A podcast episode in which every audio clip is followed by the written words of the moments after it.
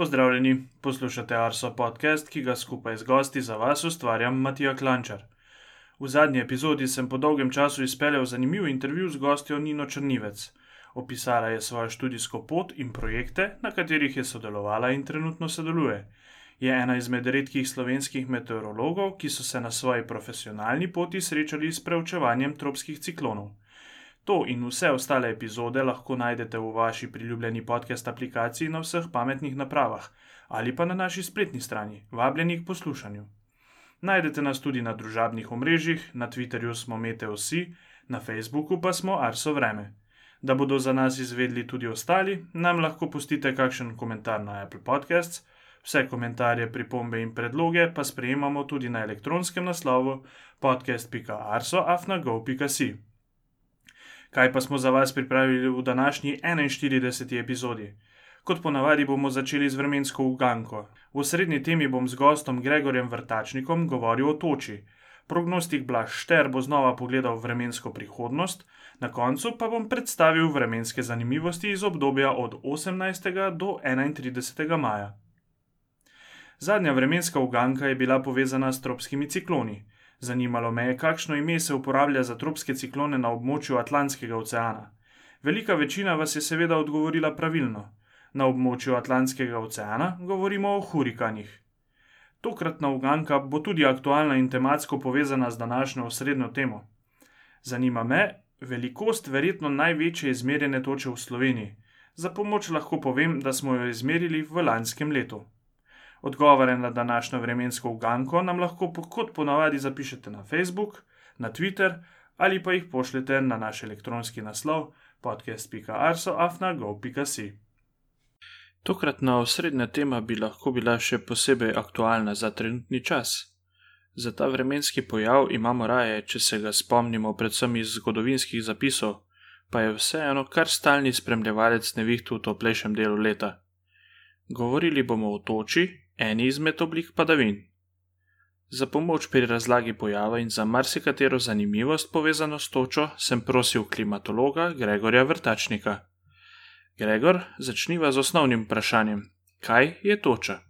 Toča so ledeni kosi, premera vsaj 5 mm, ki padajo iz konvektivnih oziroma nevihtnih oblakov. Ledene kose, ki so manjši od 5 mm, imenujemo sodra. Pri temperaturi pod lediščem včasih pada zmrznjen dež, ki je zelo podoben sodri, vendar pa je njegov nastanek posebno drugačen. Kako pa nastane toča? Nastanek toče je skoraj vedno povezan z nevihtnim oblakom. V nestabilnem ozračju se baloni oziroma kosi sorazmerno toplega zraka dvignejo in toliko ohladijo, da dosežejo 100-odstotno relativno vlažnost, in na to se začne izločanje odvečne vodne pare v obliki kapljic. Pri tem nastane oblak, in pri nadaljem dviganju zraka se zaradi izločanja vodne pare uh, v, obliko, v obliki kapljic ali ledenih kristalčkov sprošča toplota, ki še poveča vzgon in pogosto omogoči dviganje zraka do višine okoli 10 km. To se najbolj pogosto pri nas dogaja spomladi in poleti. Na višini okoli 10 km dvigajoči se zrak zelena letina stabilno plast, ki jo imenujemo tropopauza. In ta tropopauza je ločnica med troposfero, v kateri se odvija večina vremenskega dogajanja, in pa stratosfero, kjer praktično nimamo uh, vremenskega dogajanja, bolj ali manj se spremenjajo tam samo vetrovi in pa temperatura zraka. Dviganje zraka se na višini okoli 10 km hitro ustavi zaradi te zaporne plasti, in oblak se kot pod kakšno pokrovko razleze v vodoravni smeri in tako nevihtni oblak dobi značilno obliko nakovala. Vodne kapljice znotraj nevihtnega oblaka so pogosto nezamrznjene, tudi pri temperaturi minus 20 ali celo minus 30 stopinj Celzija, ob stiku z nekaterimi nečistočami v zraku pa hipno zmrznejo. Ko zamrznjene kapljice potujejo v oblaku, se na nje lepijo nezamrznjene kapljice in tako nastane zrna toče. Če kapljice ob stiku z zr zrnom toče hipno zamrznejo, nastane belkast, neprozoren led, z, eh, namreč v njem so ujeti mehurčki zraka. Če pa je zamrzovanje počasno, to pomeni, da, kaplic, da se kapljica razlije po površini uh, zrna toče in postopno zamrzne, potem nastaja uh, prosojen led. Menjava obeh režimov zamrzovanja se kaže v pogosto čebulastem izgledu toče. kot da je toča sestavljena iz več plasti različnega ledu.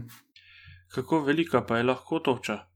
Velikost toče je povezana z navpično hitrostjo zračnega toka v nevihtnem oblaku, potjo zračnega toka, ki nosi točo uh, po oblaku uh, v različnih smerih, in pa taljenjem toče na poti do tav. Kadar je v zgornjih nevihti zelo močan in doseže hitrost nekaj 10 metrov na sekundo, toča pa dlje časa potuje v območju oblaka z zelo veliko gostoto kapljic, lahko zrna toče hitro zrastejo in dosežejo debelino več kot 5 cm, v najhujših izjemnih primerih celo več kot 10 cm. Pogosto se tudi zgodi, da manjša zrna toče eh, se zlepijo v precej večja eh, in potem takšna toča pade na tla eh, tudi v velikosti več kot 10 cm. Največja znana zrna toča na svetu imajo premer blizu 20 cm, najtežji primerek, znan pa tehta dober kilogram in je padel 14. aprila leta 1986 na Bangladeš. V Sloveniji pa so verjetno največja zabeležena zrna toče, premjera 12 cm, padla 8. junija lani v Beli krajini, no in ta velikost je tudi med največjimi v Evropi.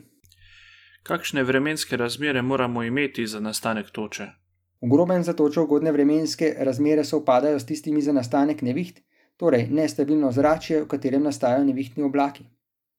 Za debelejšo točo so ugodni naslednji dejavniki: velika nestabilnost ozračja, močno striženje vetra z višino, to pomeni, da se smer in hitrost vetra za višino spreminjata, in pa ne preveč toplo eh, ter vlažno ozračje pod oblakom. Kadar je nestabilnost v ozračju velika, veter pa z višino spreminja hitrost in smer, pogosto nastajajo tako imenovane supercelične nevihte, zlasti so značilne za Združene države Amerike, eh, kar nekaj na leto pa jih nastane tudi eh, nad našimi kraji. V zgornjiku teh neviht je dviganje zraka zelo močno, zato lahko zračni tok nosi tudi večja zrna toče, ki bi sicer hitro padla proti tlom. Debela toča včasih nastane tudi v večceličnih nevihtah, redka pa je v kratkotrajnih, usamljenih nevihtah, ki so značilne za sorazmerno lepo poletno vreme. Ko toča pade iz oblaka, se na poti do tav del toče ali vsa toča stali. To je glavni razlog, da je v večini tropskih krajev kljub pogostim nevihtam toča redek pojav, saj se v zelo toplem in vlažnem ozračju toča hitro tali. Eh, drugače je v višjih nadmorskih višinah značilna območja z zelo uh, hudimi neuri s točo, pa so v so gorati predeli zmernih geografskih širin, naprimer vzhodni rob, skalnega gorovja, ki se spušča proti velikim planjavam v Združenih državah Amerika, tam pa lahko vsako leto večkrat divja na istem območju huda na urje s točo. Vremenske meritve v Sloveniji kažejo, da toča pri nas najpogosteje pada v dneh z najvišjo temperaturo zraka med 22 in 30 stopinjami Celzija, v zelo vročih dneh pa je toča sorazmerno redka, saj so takšni dnevi praviloma sončni, suho zračno maso in brez močnejših vetrov v ozračju. Je Slovenija podvržena bolj nevihtnemu dogajanju glede na ostale države v Evropi? Slovenija, zlasti pa severna primorska, ima nadpoprečno število neviht. Včasih letno od okoli 30 nevihtnih dni na severovzhodu do okoli 50 dni v posočju. Podobna pogostost neviht kot pri nas je na širšem območju Alp, Pirenejev ter v delu srednje in jugovzhodne Evrope. Precej redke pa so nevihte na severu Evrope. Kdaj pa se najbolj pogosto pojavlja toča? V Sloveniji je toča najpogostejša od maja do avgusta, so pa velike razlike med leti. Letos, recimo, je maj skoraj posod po Sloveniji prizanesel s točo, lani pa je bilo junija kar precej neuri s točo. In to kljub temu, da je bilo manj dežja kot maja letos. V posameznem kraju v Sloveniji običajno toča pada do nekajkrat v posameznem letu, le izjemoma več kot desetkrat ali pa nikoli v vsem letu. V Evropi so med posameznimi območji velike razlike v letnem hodu pogostosti toče. V večjem delu celine je toča najpogostejša poleti, ponekod na jugu Evrope spomladi. Nad Sredozemskim morjem pa je toča najbolj pogosta jeseni, ponekod tudi po zimi, saj je poleti običajno na tem območju sorazmerno suho, nevihte pa so redke. Je možno tudi v ostalih mesecih v letu? Neurja stoča lahko v Sloveniji presenetijo tudi zgodaj spomladi, naprimer marca ali aprila, eh, ali pa jeseni, denimo oktobra ali celo novembra po zimi pa je toča zelo redka in vedno drobna. Toča lahko povzroči veliko gmotno škodo. To se je dogajalo tudi v preteklosti. Lahko našteješ nekaj najbolj znanih dogodkov, ki so se nam vtisnili v spomin iz preteklosti? Najbolj svež je verjetno spomin na lansko uničenje v Črnomlu in okolici. Kmalo bo minilo leto dni, ko so do 12 cm veliki kosi toče padli z neba in povzročili veliko gmotno škodo v Beli krajini. Poškodovanih je bilo več kot 2000 objektov, škoda je znašala 5 milijonov evrov samo na objektih. Zelo številčna so bila neurja s točo po leti 2008. Takrat je, najbolj, je bila najbolj prizadeta vzhodna polovica Slovenije, najhuje pa je bilo 15. augusta zvečer, ko je od juga močna nevihta dosegla Dravsko Ptujsko polje in je na večjem območju padala več kot 5 cm debela toča. Prestolnici je bila najdebelejša toča v zadnjih desetletjih verjetno 30. maja 2001, ko so posamezna zrla presegla premer 6 cm in povzročila precej gmotne škode na avtomobilih. Nekaj teh primerov, omenjenih primerov nenavadno debele toče, je zanimivih, eh, predvsem stališča škode na objektih in uh, na avtomobilih. V kmetijstvu pa pogosto več škode kot izredno debela toča povzroči večja količina srednje debele toče, recimo velikosti oreha. Včasih takšne toče zapade celo nekaj centimetrov in popolnoma pobeli pokrajino, v najhujših primerih pa lahko tudi zapade tudi 10 ali 20 centimetrov toče. Nekaj več o tem, če se že kaže konec nestanovitnega vremena, nam bo povedal prognostik Blaž Šter. Lep pozdrav. Ja, s 1. junijem smo vstopili v meteorološko poletje. Dan je dolg, vpliv sonca velik, temperatura zraka pa se po ohladitvi ob koncu maja spet bliža povprečju za ta čas, vendar vročine še ni. V višinah še vedno prevladuje severni zračni tok, ki nam prinaša hladno mas zračno maso iz območja severne Evrope, Pri tleh pa se zrak ob sončnem vremenu dovolj ogreje, da se pojavi nestabilnost. Posledice so popodanske plohe in tudi nevihte. Že danes bo nad delom zahodne in srednje Evrope nastalo ciklonsko območje. Kadar se ciklon pojavi zahodno od nas, se nad našimi kraji vzpostavi zahodni, jugozahodni tok. Temperatura po nižinah bo ponovno okoli 25 stopinj. Ker bo v višinah še razmeroma hladna zračna masa, se bodo popovdne pojavljale plohe, vmes pa bodo tudi posamezne nevihte. V nadaljevanju tedna bodo naši kraji. No, bodo nad našimi kraji ustrajali jugozahodni vetrovi, vreme bo precej razgibano, v četrtek bo v severnem sredozemlju nastalo ciklonsko območje, veter se bo še ukrepil, tudi po nižinah bo neobičajno vetrovno, zlasti na vzhodu države, Ob morju bo pihal okrepljen jugo. Predvsem v zahodni polovici Slovenije bodo že nastale tudi padavine, na vzhodu pa bo večinoma še suho. Kaže, da bo popovdne deževal tudi ob obali, kjer je bilo zadnje mesece precej sušno. Verjetno bo v naše kraje v petek prešla hladna fronta, da se bo razširil nad vso Slovenijo. Vzračje bo nestabilno, pričakujemo nastanek neviht in tudi nalivov deževna pa bo noč tudi na soboto, do jutra se bo ozračje že umirilo. Do, ob koncu tedna pričakujemo bolj suho vreme, saj za soboto kaže na razjasnitve, prehodno se bo ozračje tudi stabiliziralo. Še vedno pa bo pihal slabljen jugozahodnik, morda bo več oblačnosti na zahodu. V nedeljo pa, bo, pa bo severozahodno od nas nastala nova vremenska motna, ki, bo dan, ki bo čez dan lahko že vplivala na vreme pri nas. Njen vpliv pa nas bo najverjetneje dosegal v ponedeljek. Če pozamem, v jugozahodnih vetrovih bo vreme ostalo nestalno, vlažno, brez temperaturnih ekstremov, Zlasti v petek si lahko obetamo tudi večjo pošiljko padavin.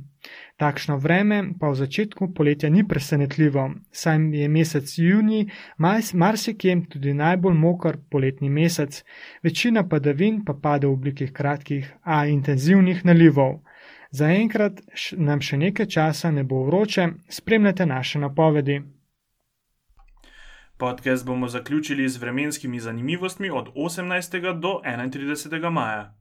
Najvišjo temperaturo v tem obdobju smo izmerili na postaji na letališču Portorož. Živo srebro se je dvignilo do 27,6 stopinj Celzija. Tudi tokrat smo najnižjo temperaturo izmerili na naši najvišji postaji na Kredarici. Zadnji dan meseca maja je bilo minus 6,1 stopinje Celzija. Najhitrejši sunek vetra smo izmerili v podnanosu 19. maja pihalo je s hitrostjo okoli 117 km/h. Največ padavin v enem dnevu je v obdobju od 18. do 31. maja padlo na postaji na Ratitovcu. 20. maja smo izmerili nekaj manj kot 40 mm padavin. Za konec še podatki o najbolj sončnih postajah. Preteklih 14 dni je bilo spet malo bolj soncem bogatih. Največ sončnih ur so zbrali v Bilju 118 ur in 29 minut. Najbolj sončen dan tega obdobja je bil prav tako na postaji v Bilju, 27. maja je sonce sijalo 14 ur in 18 minut. Z vremenskimi zanimivostmi smo 41. epizodo Arso podcasta pripeljali do konca. Hvala vam, dragi poslušalci, za poslušanje in pozornost. Želim vam obilo lepega vremena do prihodnič in se slišimo čez 14 dni.